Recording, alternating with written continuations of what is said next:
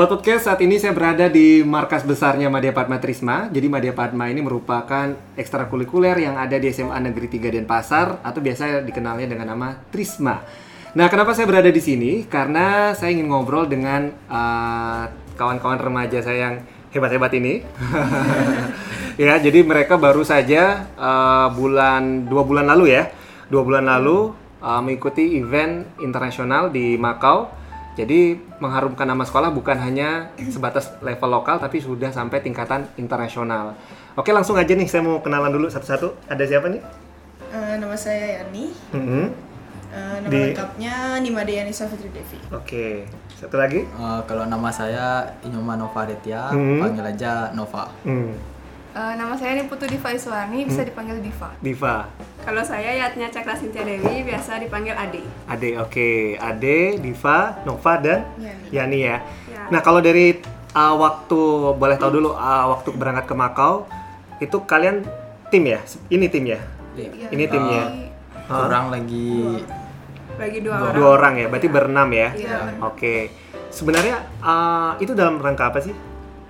Uh, jadi itu uh, ada lomba penelitian. Mm -hmm. nah, itu nama lomba itu MIX mm -hmm. uh, atau singkatan dari Macau International Invention Innovation Expo. Yeah. Nah karena jadi uh, pada beberapa angkatan yang lalu nih uh, penelitian tuh lagi sedang hype-nya, mm -hmm. terutama di dan di Denpasar sama di Star Bali itu udah yeah, lagi yeah. hype-nya kan.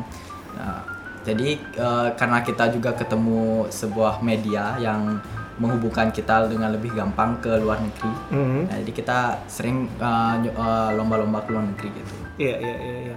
Misalnya kayak sebelumnya tuh sebelum ke Makau tuh mm -hmm. kita udah pernah ke uh, ke saya sendiri pernah ke Malaysia. Mm -hmm. Terus ada sama teman-teman yang lain tuh satu angkatan tuh kita pernah ke Thailand.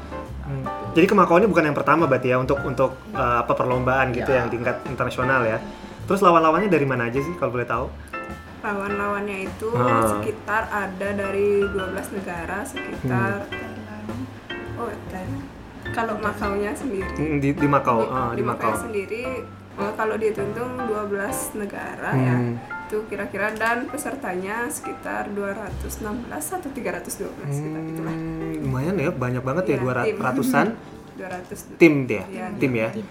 Wah, berarti sebuah prestasi ya kalau kalian itu kalau ikut event internasional begitu ada seleksinya nggak sih? Maksudnya kayak oh. kalau dalam per, ajang perlombaan kan biasanya oh lolos dulu nih pada tingkat level nasional baru dikirim atau kalian oh. bisa langsung uh, secara mandiri memang dibuka. Ya, jadi uh, itu ada kayak organisasinya itu. Hmm. Jadi uh, kita harus ngirim uh, sedikit abstrak dari uh, penelitian kita hmm. ke mereka biar mereka yang seleksi hmm. seleksinya. Berarti uh, dari pihak uh, panitia lomba di sana memang dibuka untuk umum ya, artinya yeah. tidak tidak dalam tahapan berjenjang seperti tadi ya enggak ya. Oke, menarik ya. Nah, selain uh, kalian sudah ikut lomba juga di Malaysia tadi, kemudian di Thailand. Boleh uh, siapa? Diva. Diva, ah, Diva boleh cerita dikit? Itu yang ke Malaysia ikut? Uh, enggak. Saya ke cuma Malaysia. ikut yang ke Thailand sama yang Makau. Thailand dan Makau. Yeah. Sebelumnya pernah keluar negeri nggak? Nggak, jujur itu Thailand itu pertama kalinya keluar negeri. Nah, boleh ceritain dong. Gimana rasanya keluar negeri semua deh. Kayaknya ada paling semangat nih.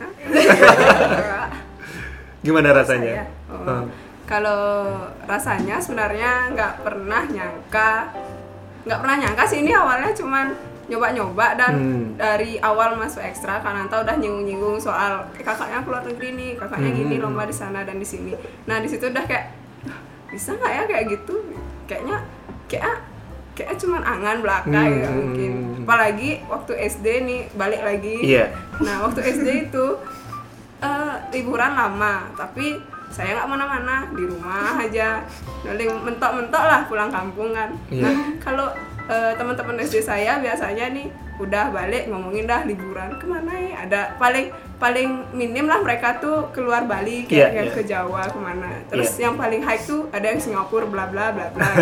Tapi saya sendiri kayak duh apa? Tak ceritain nggak ada ke mana-mana. Akhirnya di mulai dari situ saya kayak kepengen tapi kayak nggak mungkin karena hmm uh, ekonomi juga dan lain sebagainya tapi hmm. akhirnya kayak dikasih jalan gitu loh hmm. nah waktu tiba-tiba eh, ada jalan bisa kita ke sana dan itu benar-benar eh, saya sendiri ngerasa kayak ih beneran ya udah udah kayak dibilang lolos dan eh, menghitung hari Iya. sampai hamin sebulan itu saya dan teman saya ngitung duh ya gitu ya. Ya bagi 29 hari. Ya aduh sampai dah "Ih, besok berangkat. Ih beneran nih beneran. Jangan ade selama naik di pesawat sampai gini ya, beneran ya? Cubit nggak ya? saya, saya di pesawat takut jujur karena itu naik Pertama pesawat kali? terlama. Oh, paling oke. mentok lah ke Jogja 15 menit lah kan. Satu Tiga jam. satu jam. Oh iya iya. Satu Ke jam. Lombok mungkin 15 menit. oh iya satu jam mah itu kayak nggak nggak biasa aja Hmm, kalau yang ini nih 4 jam diam kayak eh, aduh di atas loh ini di atas langsung dah eh, berdoa tersanjur dan dan dan dan. Oke. Jadi, ah, ah. Heeh. jadi rasanya itu seperti mimpi sekarang Oke. aja masih nggak Nah, oke, itu perasaannya ya. Pasti juga ada sensasinya pasti. ya. Semua juga baru pertama kali selama baru di MP ini i- ke luar negeri atau belum sebelumnya. Saya udah Udah pernah ya? Oke. Rasanya beda nggak sih? Eh, beda aja karena kan biasanya kalau keluar sebelum itu sama orang tua sama Hmm. keluarga itu sekarang kayak sama teman-teman yang seumuran gitu Hmm. jadi kayak lebih bersemangat gitu Ya oke, tamasianya beda gitu ya. Iya, kalau zaman saya tamasya ke Pulau Jawa juga. nah, oke, Eh, balik lagi ke masalah perlombaan tadi. Sebetulnya eh, ketertarikan kalian untuk Madya Padma ini kan jurnalistik ya. Berarti yang di Mako juga terkait dengan itu ya, jurnalistik atau lebih ke mana? Kita ke penelitian. Nah, terus eh, apa sih yang memotivasi kalian eh, sampai mencoba untuk ya selain di kompor-kompori tadi sama Kak Ananta disebut ini ini gitu ya, sampai pengen gitu.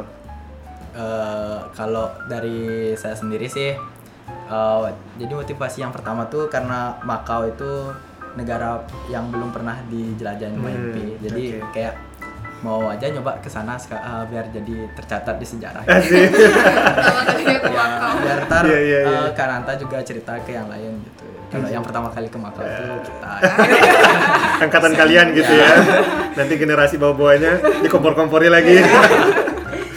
Oke, itu salah satunya. Terus kemudian eh, apa ya? Sampai eh, risetnya sendiri itu masih terkait lebih ke mana? Lebih ke terkait dengan apa? eh, ke biomaterial sih kita ke masalah lingkungan. Oh lingkungan ya. Ya. Nah, yang mensupport dalam artian backgroundnya, berarti ini anak IPA ya, ya, ya. Bio, Iya. ya, Anak pantesan.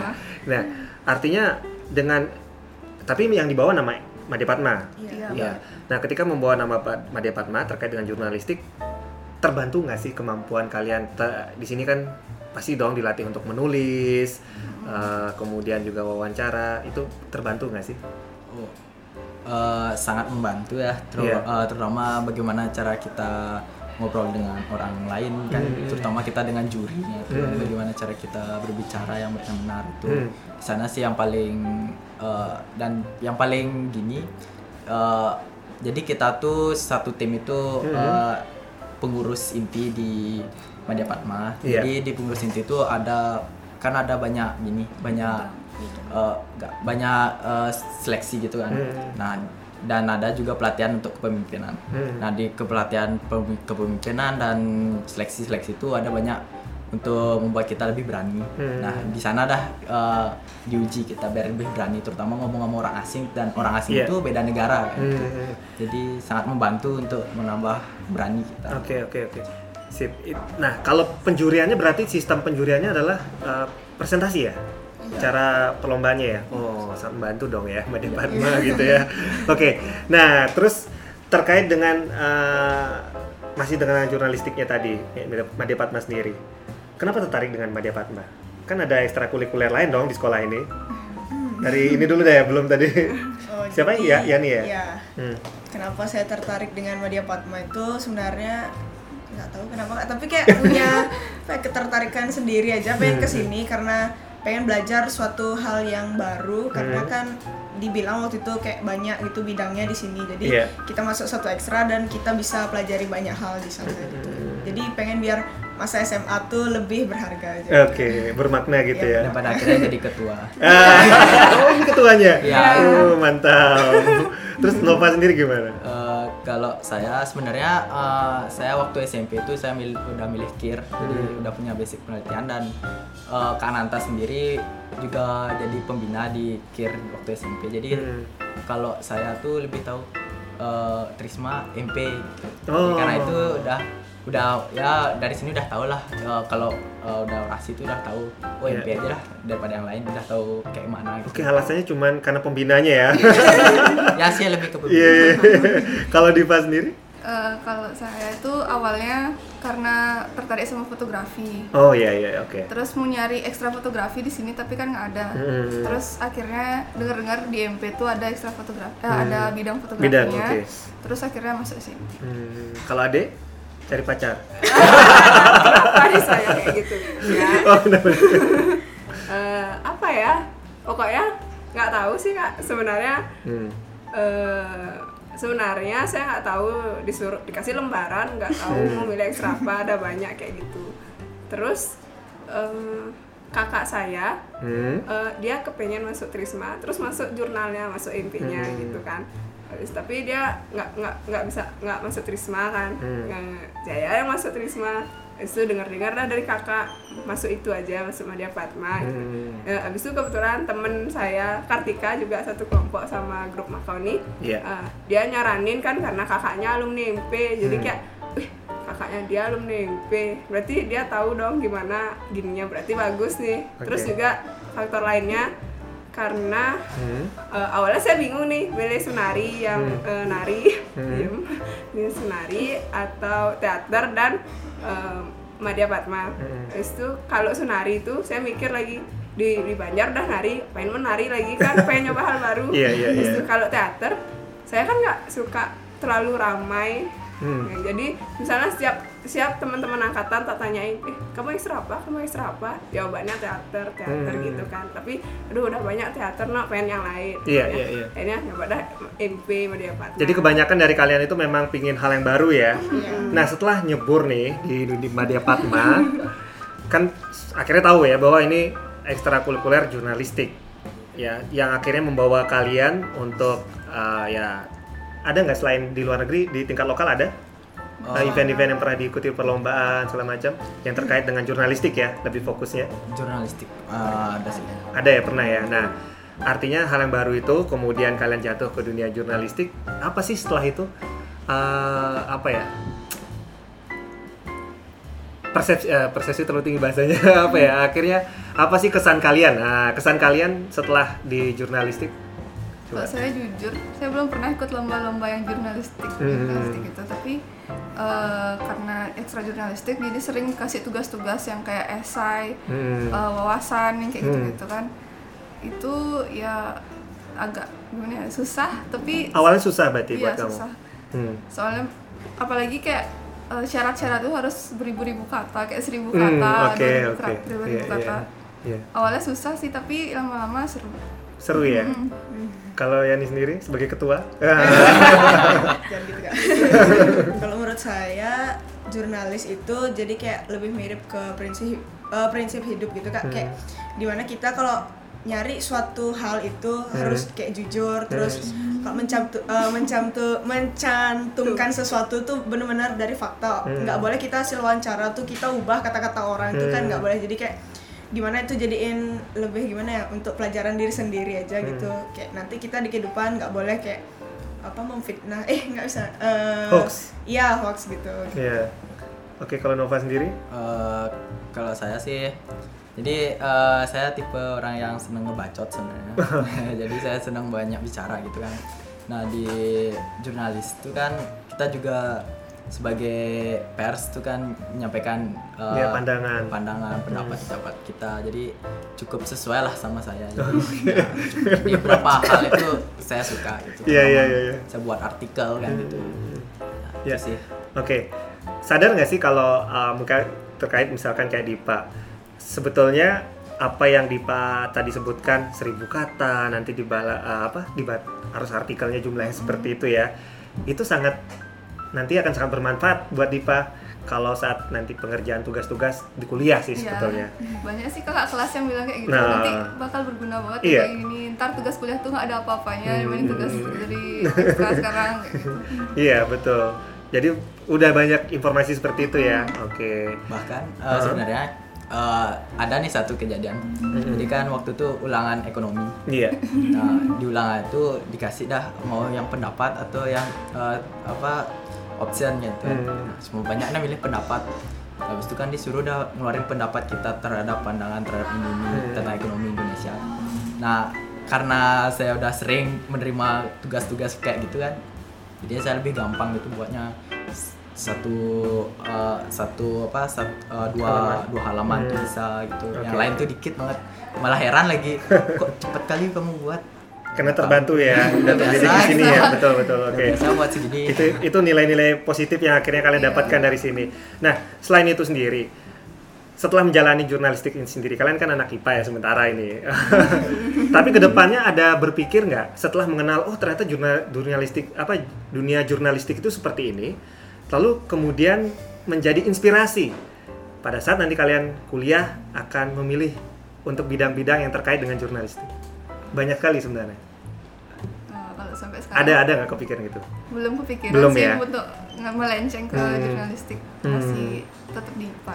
masih cita-citanya yang lama Iya. gitu ya oke nggak apa-apa kalau Ade sendiri gimana Kalau saya sempet pengen karena Hmm. kan jalan-jalan mana-mana. Oke. Ya, jadi maksudnya eh, kalau ngelihat sekarang tuh nyari berita tuh nggak diam di satu tempat Hmm, ya hmm. ke mana-mana juga. itu pasti Ya, tapi eh, ke depan nggak tahu karena Hmm. eh, perlu memikirkan matang kan karena ini juga masa depan Iya, harus iya, benar-benar iya. matang gitu loh Iya. nggak cuma asal baru suka ini satu opsi aja Hmm. pengen eh, harus ini jadi harus juga mempertimbangkan yang lain gitu tapi Oke. sebenarnya saya pengen jadi psikolog sih dalam artian dalam artian eh, antara dua opsi itu yang saya Hmm. masih pikirin karena kan benar yang Nova bilang tadi yang eh, melatih berbicara yang Hmm. kayak gitu. Psikolog kan juga perlu yang kayak Iya. gitu. Saya sendiri suka ngomong sama orang yang kayak eh, saling tukar cerita lah Iya, istilahnya iya. yang kayak orang itu. Tapi nanti terbantu kok. Sama ada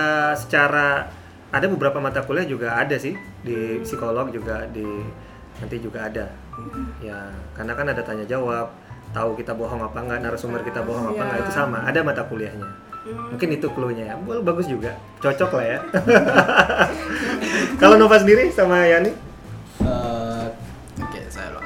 Eh, Sebenarnya saya ma- masih tetap sih mungkin bakal ke cita-cita yang lama. Cuman dalam eh, kalau jurnalis tuh mungkin saya bisa jadiin ke gini kayak kerjaan sampingan tuh eh, nambah eh, pundi-pundi uang. Soalnya pernah Kak Ananta cerita jadi katanya ada temennya dia tuh dia tuh seorang pengacara. Hmm. Cuman eh, uangnya tuh malah eh, mendominasi dari dia menulis eh, menulis menulis artikel habis itu dikirim ke balik pos dan, dan yang lainnya gitu mungkin bisa jadi referensi untuk saya Oke, itu bayangannya ya. Sekarang Yani sendiri udah sebelum saya ini.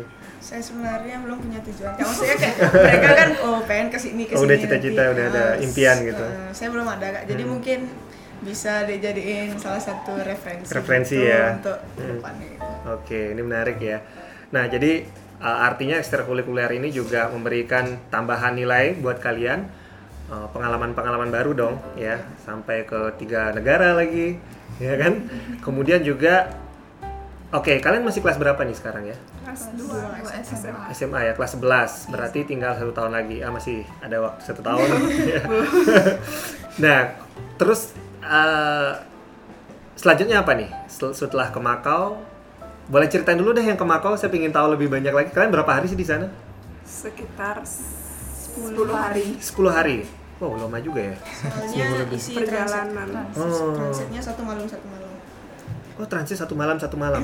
Pas Ini- berangkat satu malam pas pulangnya juga satu malam. Ini kayak perang grill grillnya ya?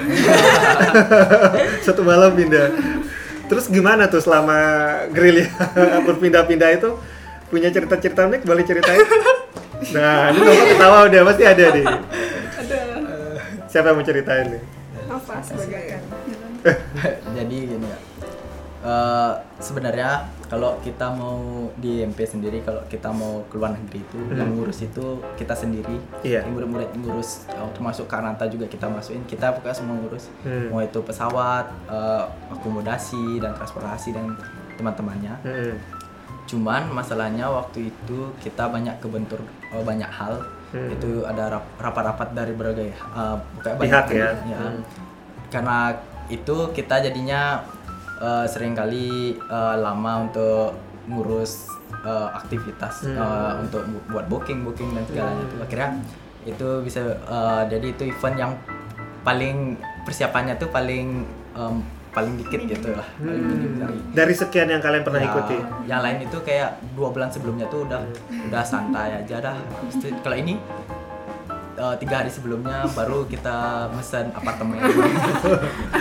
Nah, terus gimana sampai di sana? Dan- Selamat. Selamat lah ya. Ya, tentunya eh, selamat dan ternyata Hmm, gimana? jadi di sana itu ada sistem ya, di mana apartemen tuh ternyata nggak boleh disewain Hmm. dan kita nyewa apartemen. Jadi, Karena itu eh, karena itu kita pun akhirnya harus berbagi. Hmm. Jadi kita bagi tim. Jadi kalau mau keluar eh, bertiga dulu, habis itu 10 menit baru berdua keluar. Habis itu baru lagi dua lagi dua keluar gitu-gitu biasanya. Kucing-kucingan ya? Iya. Kan. Oke oke, tapi dari panitia lomba sendiri memang tidak menyediakan tempat khusus ya berarti ya? Enggak ya, hanya untuk tempat event gitu ya acaranya. Oke, ini terakhir nih ya. Uh, setelah kalian ikuti kucing-kucingan, boleh tahu dulu hasilnya gimana Eh, dari perlombaan itu? Kita dapat s- dua special award dari Hong Kong sama Kamboja. Dan yang dan kita juga dapat sat- eh, silver eh, medali silver. Medali uh, medali silver. Wah berarti tiga penghargaan ya? Iya. Iya. Wah, gimana rasanya puas banget dong? Udah kucing-kucingan, dapat tiga medali, iya kan? Pasti banyak media juga meliput nih ya. Iya. Termasuk podcast saya hari ini. Belum puas, gimana? emas. Hmm, Mas ya targetnya. Masih bisa nggak mungkin tahun depan? Ada kemungkinan nggak kalian kesempatannya? Astukan. Mungkin soalnya tahun depan udah kelas 12 kan, apalagi mau UN gitu kayak Mepet ya? hmm mepet. Hmm, Tapi menurut saya tuh kemungkinan tuh pasti ada asalkan dari kita aja. asik, gitu deh. Ada yang optimis sekali. Siap, siap, siap, siap, siap. Iya, iya, iya.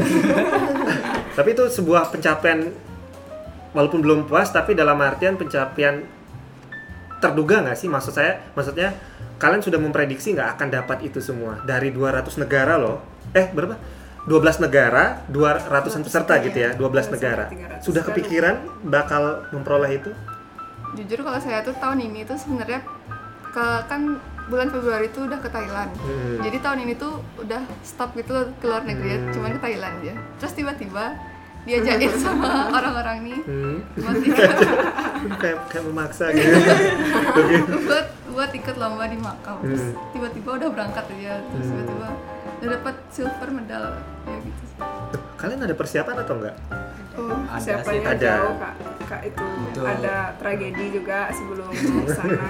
Karena saya dibilang mungkin gini kak awalnya tuh pengen di Korea kan lomba Hmm. tapi eh, karena satu dan lain hal nggak bisa. Terus Hmm. tuh yang kedua tuh pengen tujuannya ke Taiwan. Udah nih ngumpulin bahannya. Hmm. Bahannya itu kan kita dari label plastik Hmm. dan itu kita perlu botol yang banyak kan. Hmm. Nah saya sama Kartika sama yang lain tuh mulung kan Hmm. ke mana-mana sampai zamannya Art Center itu loh kak hmm. itu satu bulan tuh ya beberapa kali sempat mulung di sana dan lumayan lah hasilnya kan Hmm. cukup lah harusnya Hmm. nah Hamin satu kita masih optimis sih kak biar bisa ngumpul hasilnya itu loh tepat waktu tapi em, setelah dicek tiba-tiba kresek merah yang isi label plastik itu Hmm. hilang Hmm. benar-benar hilang dan baru sadar Hamin satu gitu loh sedangkan kita tuh masih ada harapan Hamin satu Hmm. Iya. bisa buat dan mengirim untuk besoknya tapi akhirnya ah kita sebenarnya nggak nggak rela apalagi saya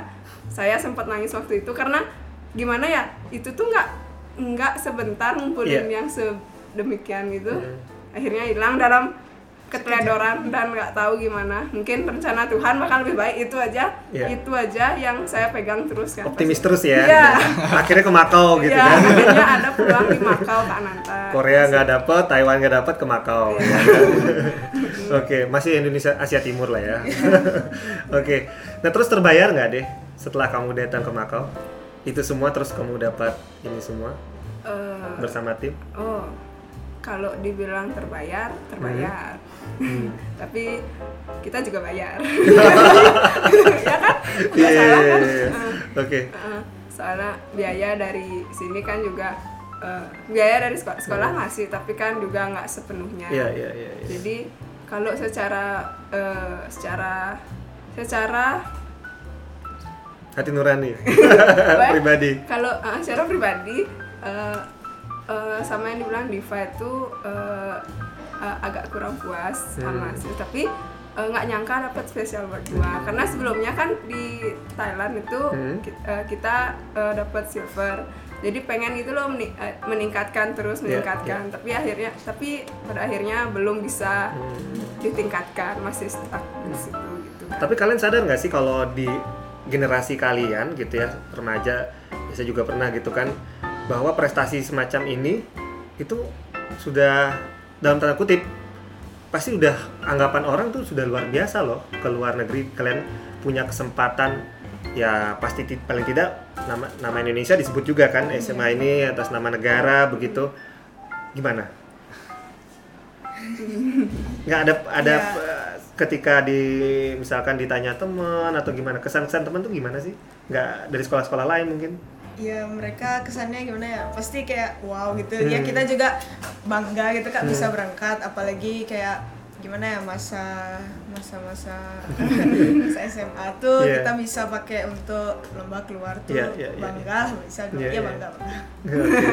oh ini saya nggak maksa loh kesannya saya maksa harus bilang bangga gitu Iya, Kak. iya artinya eh, ini kan jadi kenangan manis nanti wah kalau lulus kan dan selain itu juga eh, gimana pendapat kalian eh, bahwa sebenarnya masa remaja itu adalah masa-masa eh, paling luas dan masa-masa kesempatan untuk kalian kan disebutnya era mencari jati diri ya.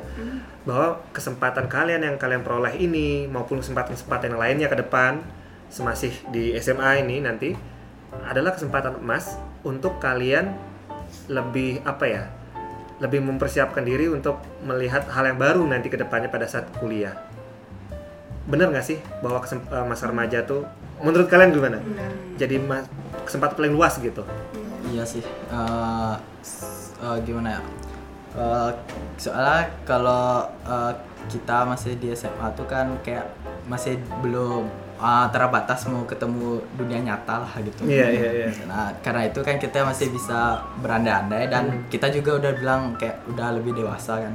Jadi kita lebih lebih bebas ketimbang di SMP atau yang sebelumnya dan dengan pikiran yang masih imajinasi gitu banyak itu jadi ya babil dikit-dikit masih ya ya nekat-nekat gitu Iya, iya. jadi ya lebih luas lah ketimbang ntar waktu kuliah tuh kita udah lebih ketemu gimana dunia nyata yang sebenarnya tuh kan. Jadi pikiran kita untuk berimajinasi itu lebih kurang gitu. Jadi nah, gitu sih. Itu, itu bayangannya Nova ya. Terus dari orang tua sendiri mendukung nggak juga kalian waktu kalian Nova gimana? Mendukung kak. Mendukung ya? Jadi mereka Iya. ada rasa gimana ya? Cemas nggak sih waktu kalian di luar negeri 10 hari loh. Eh, cuma sih kak diteleponin tiap hari. Oh, enggak.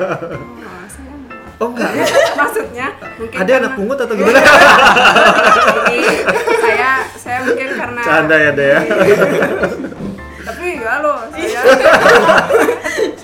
serius nih kak. Iya gimana gimana gimana? Masa ah, teman-teman saya dianterin kan, kan ke Bandara. ah, ke Hmm. bandara. Dianterin sampai masuk sampai check in. Saya cuman sampai eh, ya turun langsung pergi. Turun. So- tapi emang kalau dari orang tua tuh eh, saya mungkin saya emang udah diajarin kayak berani Hmm. sendiri kayak gitu. mungkin eh, tapi sebenarnya mereka khawatir kok. Hmm. beneran mereka khawatir sebenarnya. Soalnya- selama 10 hari itu kamu nggak dihubungi sama sekali? Oh, kalau hubungi kan ada grup grup. Makau, Oh, ah, dan itu tuh jadi kayak laporan setiap hari ah, laporan setiap hari dan yang membidangi itu Nova kan. Jadi saya jadi nggak perlu kayak oh, bilang lagi bilang lagi karena udah diginiin sama Nova. Saya paling kalau ditanya ditanya pribadi yang kayak benar-benar pribadi itu baru tapi kalau yang lain-lain tuh nggak nggak sampai di telepon juga Oh. Terus waktu pulang gimana? Oh, Nggak peluk pulang. gitu kayak kayak, fi- kayak film-film drama Korea gitu? enggak enggak saya diajak makan Oh diajak makan. Terus ditanya-tanya? Oh tanya, enggak, enggak ditanya tapi saya yang cerita. Salah Oke. gini, saya Inisiatif. saya bersyukur masih bisa dijemput kan bapak saya kerja. Saya ngerti kok sebenarnya bapak saya tuh waktu nganter saya ke ke bandara tuh kayak istilahnya di sekolah tuh bolos gitu loh kak ngambil ambil jam nyuri nyuri Iya, jam iya, jadi iya. kayak saya hargai oh nah, eh, makanya saya hargai kayak oh seenggaknya masih bisa nganter sampai sini daripada Hmm. nggak diantar kan Iya. gitu. nah kalau di Thailand saya sempat nggak bisa dijemput kan sama orang tua Hmm. eh, pulangnya Iya. Eh, sempet sih kayak aduh teman-teman dijemput saya enggak. Jadi Hmm. nebeng sama teman. Tapi sebenarnya waktu itu itu saya kan nangis tuh awalnya. Tapi se- ternyata sebenarnya di Bali itu bapak saya udah nyari dia izin Hmm. untuk jemput saya. Tapi karena miskomunikasi Iya. belum saya balik udah nyari izin Oh. Jadi sehari sebelum saya balik bapak saya nyari izin nah pas saya balik nggak bisa dijemput karena nggak ada izinnya Oh iya, iya, iya. Setelah ternyata dibaliknya ada gitu ya. ya kayak oh aduh sweet sekali Jangan nangis dong sekarang. Iya, jadi banyak banget kesan-kesan yang ya ini kan jadi cerita kalian nanti ya, artinya kenangan yang luar biasa. Uh, tentunya juga bisa kalian sharingkan dong, atau sudah disaringkan nih ke adik-adik tingkat nanti yang juga akan menggantikan posisi kalian di pengurus Madya Padma dong. ya bisa jadi mudah-mudahan nanti bisa dengerin lewat podcast ini ya. Oke, makasih banyak buat waktunya buat Ade, Diva, Nova dan juga Yani untuk sharing dan cerita di podcast Seri Rumpi. Nanti kalau ada kesempatan lain kita ngobrol lagi.